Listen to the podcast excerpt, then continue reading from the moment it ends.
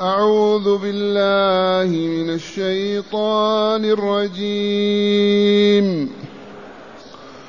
لا يسأم الإنسان من دعاء الخير وإن مسه الشر فيئوس قنوط. ولئن أذقناه رحمة منا من بعد ضراء مسته ليقولن هذا لي ليقولن هذا لي وما أظن الساعة قائمة. ولئن رجعت إلى ربي إن لي عنده للحسنى فلننبئن الذين كفروا بما عملوا ولنذيقنهم ولنذيقنهم من عذاب غليظ واذا انعمنا على الانسان اعرض وناى بجانبه واذا مسه الشر فذو دعاء عريض أحسنت. معاشر المستمعين والمستمعات من المؤمنين والمؤمنات. قول ربنا جل ذكره لا يسأم الإنسان من دعاء الخير وإن مسه الشر فيئوس قنوط من هذا الإنسان؟ عقبة بن أبي معيط أبي بن خلف أبو جهل هذا اللفظ عام في كل إنسان كافر. وهنا وصف الله الإنسان في غير ما موضع من كتابه. مر بالظلم والكفر. مر بالعجل والجهل. وهذه حال الكافر المظلم القلب. المغطى قلبه بالذنوب والآثام. فمن أراد أن يعالج هذا المرض ليسلم وينجو ويخرج من هذه الدائرة العفنة عليه بثمانية أرقام. وصفة طبية ربانية. عدد أرقامها ثمانية. فمن عالج نفسه بهذه الأرقام الثمانية سلمت نفسه وبرئت وطابت روحه وزكت نفسه. واسمعوا هذه الأرقام الثمانية. قال تعالى إن الإنسان خلق هلوعا إذا مسه الشر جزوعا وإذا مسه الخير منوعا. إلا المصلين الذين هم على صلاتهم دائمون والذين في أموالهم حق معلوم للسائل والمحروم والذين يصدقون بيوم الدين والذين هم من عذاب ربهم مشفقون إن عذاب ربهم غير مأمون والذين هم لفروجهم حافظون إلا على أزواجهم أو ما ملكت أيمانهم فإنهم غير ملومين. فمن ابتغى وراء ذلك فأولئك هم العادون والذين هم لأماناتهم وعهدهم راعون والذين هم بشهاداتهم قائمون والذين هم على صلواتهم يحافظون.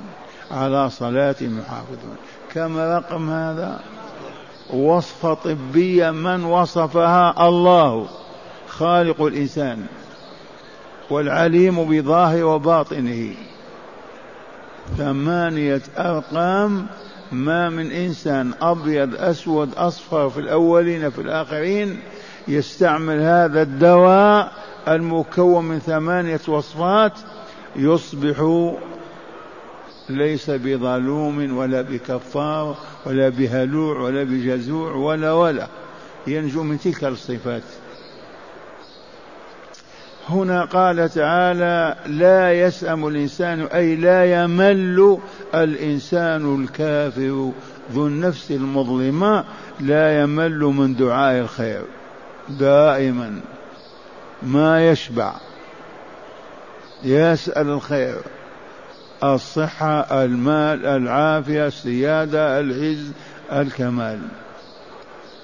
وإن مسه الشر المرض الفقر الذل ال فيئوس قنوط.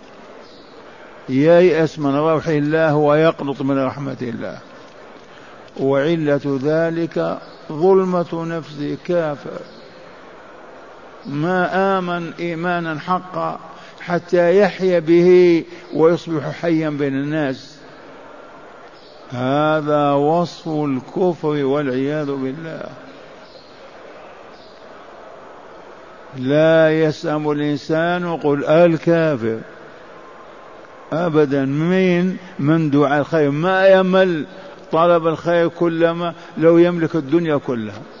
وقد قال أبو القاسم صلى الله عليه وسلم لو أن لابن آدم وادين من ذهب لتمنى الثالثة.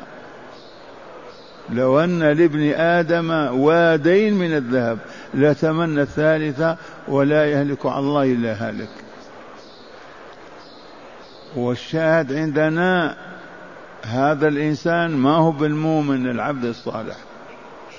قوله تعالى لا يسم الإنسان أي لا يمل الإنسان الكافر من دعاء الخير أي طلب المال والراحة والعافية في الدنيا. وإن أصيب وابتلي ومسه الشر لا يرجو الله ولا يسأله بل قنوط يئوس. نظر إلى الله من هذه الصفة. ثم قال تعالى عنه أيضا ولئن أذقناه رحمة منا من بعد ضراء مسته أذقناه رحمة منا غنى بعد فقر صحة بعد مرض. عزة بعد ذل وهون. ماذا يحصل منه؟ ليقولن هذا لي. حصلت عليه بعلمي باجتهادي بتجارتي بكذا بكذا. ما ينسب إلى الله شيء. وهذا يشاهد بين الناس. لا يقولن هذا لأن أهل لهذا متهيئ له. حصلت على هذا المال على هذا الكرم على هذه العزة بمالي وقدرتي وطاقتي وشرفي. ولا ينسب إلى الله شيئا والعياذ بالله. ثم يقول وما أظن الساعة قائمة أيضا.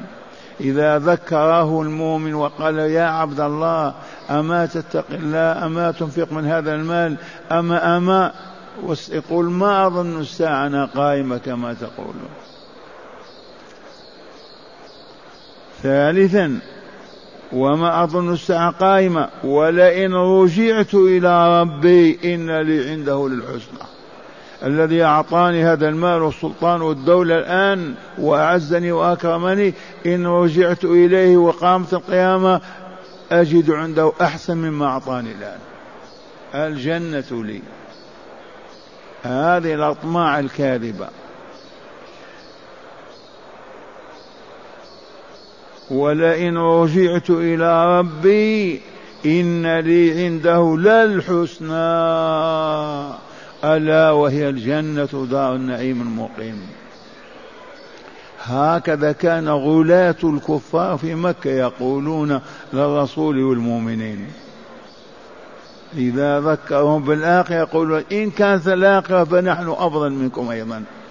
كما نحن في الدنيا بأموالنا وعزتنا وصحتنا في الآخرة كذلك. إن كانت هناك جنة في الآخرة. ولئن رجعت إلى ربي لأجد ولئن رجعت إن لي عنده لا الحسنى. أي الجنة؟ دار النعيم المقيم. وهنا قال رب تبارك وتعالى فلننبئن الذين كفروا بما عملوا ولنذيقنهم من عذاب غليظ. هذا النوع من الكفار وعزتنا وجلالنا. لننبئن هؤلاء الكفر الملحدين المعاندين بما عملوه من الشرك والشر والخبث والفساد. ولهم عذاب ولنذيقنهم من عذاب غليظ. لا يطاق. أنواع العذاب في جهنم صنوف عديدة. العذاب الغليظ يصيب هؤلاء المتكبرين المتجبرين المعرضين عن ذكر الله الكافرين به وبعبادته. هكذا يقول تعالى فلننبئن الذين كفروا بنا وبرسولنا وبلقائنا وبكتابنا لننبئنهم بما عملوه في هذه الدنيا من الشرك والكفر والشر والخبث والفساد ولنذيقنهم أيضا. يحلف تعالى ولنذيقنهم من عذاب غليظ. لا يطاق. نبرأ إلى الله من الكفر والكافرين. والآن مع عموم ضعيف الإيمان قال تعالى وإذا أنعمنا على الإنسان أعرض ونأى بجانبه. تتناول هذه الجملة ضعاف الإيمان من المؤمنين. الآيات الأولى كانت في الكافرين. هذه تتناول الضعف ضعفة الإيمان من المؤمنين. وإذا أنعمنا على الإنسان بالصحة والعافية بالمال والرزق الواسع والحالة الطيبة السعيدة أعرض عنا. لا يذكرنا ولا يشكرنا ولا يعبدنا شغلته دنياه وماله وأصبح يعيش في الدنيا. هذا تشاهدونه في كثير. من هم ضعاف الإيمان؟ كأنهم غير مؤمنين. لا بالله ولا بلقائه. وإذا أنعمنا على الإنسان ضعيف الإيمان أعرض بجانبه هكذا ما يلتفت إلينا ولا يسألنا ولا يطلبنا ولا يشكرنا على تلك النعم. لأنه يفهم أنه بيدي حصل عليه بقدرته وعلمه وشرفه ومكانته. أولا هذا وإذا مسه الشر مرض فقر عذاب فذو دعاء عريض يا ربي يا ربي يا ربي. الليل نار ويصرخ. تبهتم ومعنى هذا هيا نرتفع إلى مستوى لا نكون من هذا النوع. إذا أنعم الله علينا بنعمة صحة ولد عافية نكثر من ذكر الله وشكره. لا نفارق كلمة الحمد لله أبدا. ولا ننفق ما أنفقنا ما أعطانا إلا في سبيل ومرضاته لنكون من الذاكرين الشاكرين. وإذا ابتلانا وامتحننا بمرض أو بفقر لا بس نرجع إلى ربنا نسأله ونصرخ يا رب يا رب ونرفع أيدينا إليه ونسأله ولا حرج. أما إذا أغنانا وأعزنا واستغنينا ننسى ذكر الله وشكره ونشتغل بدنيانا وشهواتنا وأطماعنا. ولكن إذا كان نزع الله ذلك ابتلاء وامتحانا نرجع إلى الله في هذه حال سخرية. بالأمس كفرتم بنا واليوم تطلبوننا. وتأملوا الآية الكريمة. وإذا أنعمنا على الإنسان أعرض عنا ما يذكرنا ولا يلتفت إلينا ولا يعبدون ولا يطيعوننا. أعرض بجانب أعرض ونأى بجانب بعود بجانبه. وإذا مسه الشر فذو دعاء عريض. يا رب يا رب يا رب. وقد حصل هذا للعرب والعروبة إذا امتحنوا باليهود في يوم من الأيام يفزعون إلى الله. كما علمنا وفعلنا. انتهت المشكلة لا يرجعون إلى الله ولا يرفعون أيديهم إليه. هذا وضع المريض القلب الضعيف الإيمان. فالله نبرأ من هذا النوع من الناس. كما تبرأنا من النوع الأول نوع الكافرين. هكذا يقول تعالى لا يسأم الإنسان من دعاء الخير وإن مسه الشر فيئوس قنوط. من هذا الإنسان؟ الكافر يهوديا أو نصرانيا ومجوسيا عربيا أو عجميا ثم قال تعالى ولئن أذقناه أي هذا الإنسان رحمة منا من بعد ضراء مسته ليقولن هذا لي وما أظن الساعة قائمة. ولئن رجعت إلى ربي إن لي عنده للحسنى. وهنا قال الجبار جل جلاله وعظم سلطانه فلننبئن الذين كفروا بما عملوا أي يوم القيامة ولنذيقنهم من عذاب غليظ على كفرهم وشركهم وعلى تركهم لعبادتنا وذكرنا وشكرنا. وإذا أنعمنا على الإنسان غير الأول هذا ضعيف الإيمان. وإذا أنعمنا على الإنسان أعرض ونأى بجانبه وعلة هذا هو الجهل ما عرف الله ولا أحبه ولا رهبه ولا خافه ولا ولا ولا فهو باسم الإيمان مؤمن مسلم والواقع ما أبعده عن الإسلام بدليل إذا أنعم الله عليه اشتغل بالدنيا والشهوات والأطماع واللهو واللعب أليس كذلك؟ وإذا ابتلي بمرض أو فقد مال أو هون أو عز أو ذل يفزع إلى الله يا رب يا رب. لما أول ما كنت تدعوه وتسأله. والله تعالى أسأل أن يجعلنا من المؤمنين الصادقين الذاكرين الشاكرين. اللهم آمين اللهم آمين. مع هداية الآيات. بسم الله والحمد لله. والصلاة والسلام على خير خلق الله سيدنا ونبينا محمد وعلى آله وصحبه. صلى الله عليه وسلم. من هداية هذه الآيات أولا بيان حال الإنسان قبل الإيمان قبل الإيمان والاستقامة فإنه يكون أحط المخلوقات قدرا وأضعفها شأنا. هكذا. من هداية هذه الآيات بيان حقيقة الإنسان قبل الإيمان فإنه والعياذ بالله يكون أحط المخلوقات وشر المخلوقات. كما بين تعالى قبل أن يؤمن بالله ويدخل في الإسلام. ثانيا.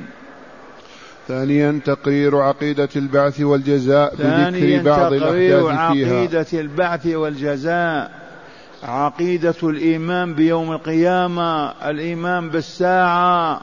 وأكرر القول وأقول إن الذي لا يؤمن إيمانا حقيقيا بأنه سيحيا بعد موته ويسأل عما عمل ويجزى بعمله. هذا المخلوق شر الخلق ولا يوثق فيه ولا يعول عليه ابدا. هذا أكثر الكفار. والذي يؤمن بالدار الآخرة والجزاء فيه على الدنيا على الكسب في الدنيا هذا يكون فيه خير. ما ييأس صاحب ولا يقنط. لكن الذي فقدت فقد هذه العقيدة لا يؤمن بالبعث والدار الآخرة والجزاء فهذا والله لشر الخليقة نعم. ولهذا يكرر تعالى ذكر الدار الآخرة في كل الآيات وخاصة في الصور المكية. نعم. ثالثا ذم اليأس والقنوط والكبر والاختيال والكفر للنعم ونسيان المنعم وعدم شكره. ثالثا ذم الكبر وذم الاختيال والمباهاة والفقر والتكبر والانغماس في الشهوات كل مذموم هذا. وذمها الله عز وجل. نعم. والكفر للنعم. وكفر النعم عدم شكرها والاعتراف بالله لله بها كفر النعمة ما يقول الحمد لله ولا يقول هذا من الله أو من فضل الله. هذا من طاقتنا وجهودنا. والعياذ بالله. والآن معاشر المستمعين والمستمعات مع قصص المرسلين في كتاب رب العالمين ونحن مع الخليل إبراهيم. والآن هجرة إبراهيم عليه السلام.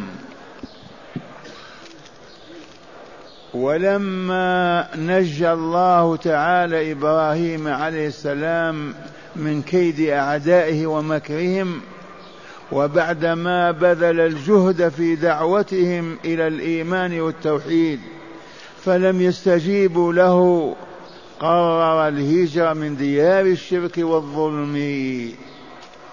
وهذا الذي نكرر القول فيه ما من مؤمن يجد نفسه في بلد لا يستطيع أن يعبد الله فيه إلا ويجب أن يهاجر ويترك ذلك البلد. ولو كان فيه ماله وأولاده ومراته كما هاجر رسول الله والمؤمنون. لكن إذا كان في بلد يستطيع أن يعبد الله لا بأس ولو كان بلاد الكفر هاجر إبراهيم. قال وكانت أول هجرة في التاريخ البشري. أول هجرة في تاريخ الإنسانية هجرة إبراهيم من أرض بابل إلى الشام والقدس. أول هجرة. فخرج ومعه زوجه سارة بنت عمه وابن أخيه لوط عليهما السلام. ثلاثة أنفار متجهين غربا إلى الشام وأرض فلسطين. ونبأ الله تعالى عبده لوطا وأرسله من الشام إلى مدينة سذوم ومدينة عمورة ونواحيها من بلاد الأردن. بعث به رسولا نبأه وأرسله. ومضى إبراهيم مع زوجته سارة في تلك البلاد حتى وصلوا أرض مصر. وحدث لهما حادث جلل. إذ وشى به إذ وشى بهما أحد المواطنين السفلاء الهابطين إلى ملك البلاد. وشى بهما أحد المن أحد المواطنين السفل الهابطين وشى به إلى ملك البلاد. وقال له إن هناك امرأة من خيرة من خيرة النساء حسنا وجمالا ولا تصلح إلا لك. فطلب منه الإتيان بها وجاء يطلبها. فقال له إبراهيم فقال لها إبراهيم أي لزوجته سارة إن سألك عني هذا الحاكم فقولي أخي ولا تقولي زوجي. لو قال الزوج يقتله قولي أخي ولا تقولي زوجي فإنه لا يوجد في هذه الديار اليوم أخوان إلا أنا وأنت والباقي كفار كلهم. وهي أخوة الإسلام لا أخوة الأرحام. وذهب بها القواد الجرار هذه اللغة كررناها القواد بلاد المغرب يقولوا قواد قواد. في الحجاز يقولوا جرار. يجر يقود بمعنى واحد. في فرق بين يقود ويجره. يقود بحبل ويجره ب لطيفة هذه. قال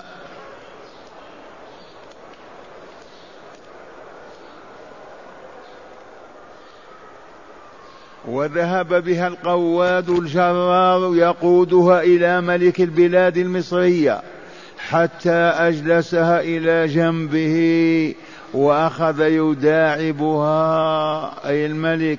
وكلما وضع يده عليها أصيب بالشلل الفوري.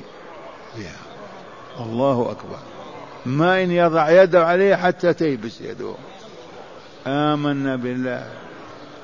وكان ذلك ثلاث مرات. وعندها قال لرجال أخرجوها عني وأكرموها ووهبها جارية وهي هاجر أم إسماعيل عليه السلام. هاجر أم إسماعيل عليه السلام. وعاد إبراهيم مع زوجته سارة آمنة مطمئنة. ما أصابها شيء الحمد لله. إلى أرض القدس عادوا إلى أرض القدس ومعهما هاجر التي أهداها ملك مصر إلى سارة وعطفت سارة على زوجها إبراهيم فوهبته إياها وهبته الجارية. هي لها ملكها فوهبتها. فوهبته هاجر رقيقتها وتسراها تسراها إبراهيم جامعها فأنجبت له إسماعيل. وأخذت الغيرة سارة كيف تلك الجارية هاجر؟ تلد ولا تل ولا تلد سارة المرأة الحرة. وظهر ذلك لإبراهيم فما كان منه إلا حملها وولدها ووضعهما في الوادي الأمين مكة المكرمة بأمر الله. ولما تركها مع طفلها واتجه نحو الشام عائدا عائدا إلى أهله قالت له هاجر آه الله أمرك بهذا يا إبراهيم. أمرك أن تتركني وطفلي في هذا الوادي. لا إنسان ولا ماء ولا طعام. آه الله أمرك بهذا. قال نعم. قالت إذا فاذهب فإنه لا يضيعنا. هذا هو الإيمان. ما دام أمرك ربك افعل ولا تخف. هذا نقوله الذين يبيعون المحرمات في دكاكينهم يبيع الدخان. لا تبيع الدخان حرام. يقول الزبناء لا بد من هذا وإلا ما يشترون منا. توكل على الله مو على بيع الدخان. أصحاب البنوك توبوا إلى الله حولوها إلى مصارف لا تخافوا توكلوا على الله ما يستجيبون. أموالنا وهذه حياتنا. هذه سارة وإلا لا؟ أما هاجر؟ هاجر. يا إبراهيم الله أمرك أن تتركني هنا مع طفل في بلاد ليس فيها أحد؟ قال نعم. قالت إذا فاذهب فإنه لن يضيعنا. قالت إذا فاذهب فإنه لا يضيعنا. ونف ونفد الماء الذي كان معه معهما وعطش الطفل. الماء كان في سقاية في قرب نفد انتهى. فعطش الطفل فأخذت هاجر تطلب له الماء فنظرت فإذا جبل الصفا أقرب إليها فعلته وارتفعت فوقه ونظرت يمينا وشمالا فلم تر شيئا. ورأت جبل المرو أمامها فهبطت من الصفا ذاهبة إلى جبل المروة وكان بين الجبلين واد. فأسرعت في مشيها حتى تتجاوزه. ومشت إلى جبل المروة فوصلت إليه وعلت عليه ونظرت فلم تر شيئا. وعادت إلى الصفاء وهي تقول أسمعت أسمعت هل من غياث هل من غياث؟ وإذا جبريل عليه السلام قائم على الغلام إسماعيل. وضرب الأرض هكذا بقدمه ففاض الماء فأخذت هاجر تزمه حتى لا يذهب فسمي بذلك زمزما فشربت وسقت طفلها والحمد لله مكرمها ومكرم عباده الصالحين. والآن فوز إبراهيم عليه السلام. قال فوز إبراهيم عليه السلام فيما ابتلاه به ربه تعالى ونجاحه في ذلك. إذ قال تعالى في سورة البقرة وإذ ابتلى إبراهيم ربه بكلمات والمراد من الكلمات الأوامر التي أمره بها وقام بها وأكملها وهي أولا كسوة كسرة أو كس نعم تكسير أصنام المشركين. كسر أصنام المشركين. هذا أول واجب قام به. والهجرة من أرض بابل إلى أرض الشام.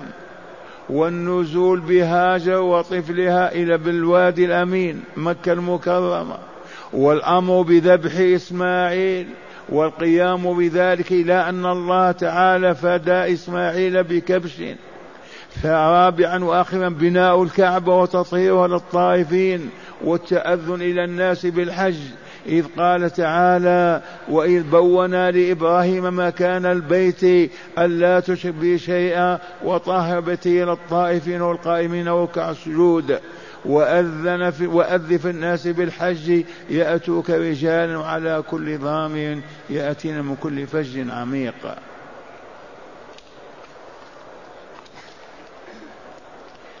قال تعالى هذا لإبراهيم عليه السلام لأنه عجب في لأنه عجب في بناء البيت للناس. تعجب من بناء البيت للناس ولم يكن هناك أحد يحج أو يعتمر. فأمره تعالى أن يصعد إلى جبل أبي قبيس وينادي بأعلى صوته ففعل. والبيت من يوم من يومئذ يحج ويأتي الحجاج مشاة وركبانا ومن كل فج عميق إلى اليوم. وصدق الله العظيم. وأخيرا ثمار هذه القصة الطيبة. هيا نجنيها ونعمل بها. إن لهذه القصة الإبراهيمية نتائج وعبرا وثمارا طيبة يفوز بها من يقرأها بتأن وإيمان ورغبة في الهداية والولاية. ومن تلك الثمار ما يلي. أولا دعوة إبراهيم أباه آزر وقومه إلى عبادة الله تعالى وحده وترك الشرك والكفر والفساد. هذه ثمرة. إذا كان إبراهيم يدعو أباه أن تدعو امرأتك وأمك بالصلاة والعبادة. ثانيا تغيير إبراهيم المنكر بيده. إذ كسر الأصنام وحده يوم خالت البلاد من عابديها يوم عيدهم.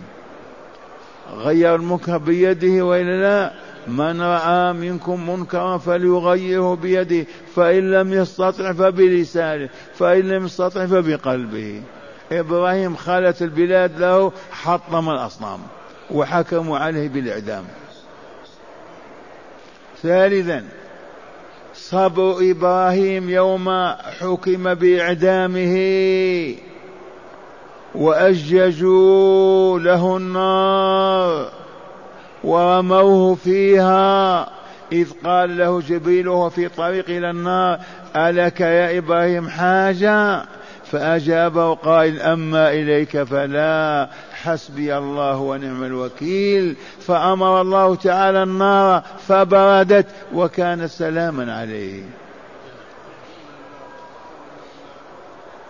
رابعا هجرة إبراهيم. هجرة إبراهيم دياره وماله فيها من متاع ومال وهي أول هجرة في التاريخ البشري. خامسا بيان فضل الرضا بحكم الله تعالى وتنفيذ ما أمر الله تعالى به كما هي حال إبراهيم في تنفيذ خمسة أوامر أو ستة مرت بنا ففاز بالإضافة. ففاز بالإقامة بها. سادسا بر الوالدين.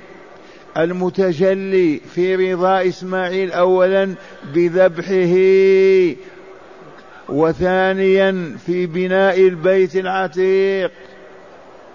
ما أمر إبراهيم ولده وأطاعه. بر الوالدين تجلى في هذين القضيتين. سابعا فضل العمل الصالح وثماره اليانعة الطيبة. إذ مقام إبراهيم الحجر الذي بنى إبراهيم البيت عليه شرف وأصبح يصلى خلفه لأنه قدم خدمة لله تعالى في بناء بيته الكعبة. ثامنا بيان فضل ماء زمزم. إذ كان بضربة جبريل الأرض بعقبه ففار وفاض وأحاطته هاجر فسمي بذلك زمزما وقال فيه الرسول الكريم محمد صلى الله عليه وسلم ماء زمزم زمزم طعام طعم وشفاء سقم.